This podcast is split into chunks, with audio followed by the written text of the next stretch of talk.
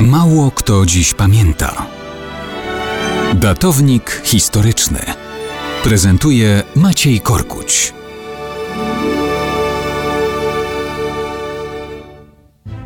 Mało kto dziś pamięta, że 23 marca 1919 roku zostały powołane do życia w Mediolanie włoskie związki kombatanckie, których nazwa stała się trzonem jednego z najważniejszych pojęć w doktrynach politycznych XX wieku.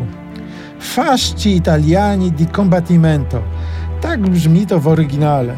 Związki te później zostały przekształcone w Narodową Partię Faszystowską, Partito Nazionale Fascista.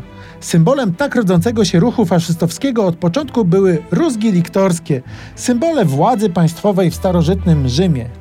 Te tak zwane fasces, czyli wiązki, to był pęk związanych rózek, symbolizujących karę chłosty, i wbity w nie topór, symbolizujący karę śmierci.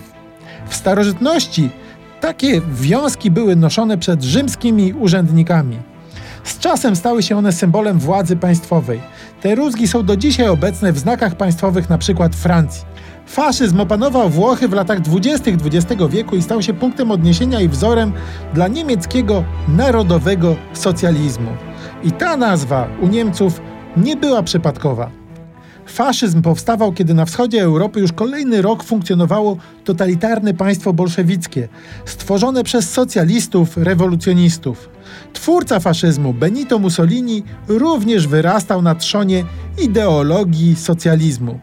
Wcześniej przez lata był działaczem włoskiej partii socjalistycznej i redaktorem naczelnym partyjnego organu Avanti.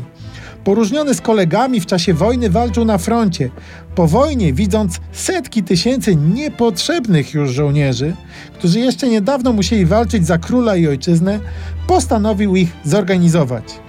Więc do zgruntu socjalistycznego, lewicowego myślenia o budowie nowego porządku dodał elementy prawicowego programu politycznego.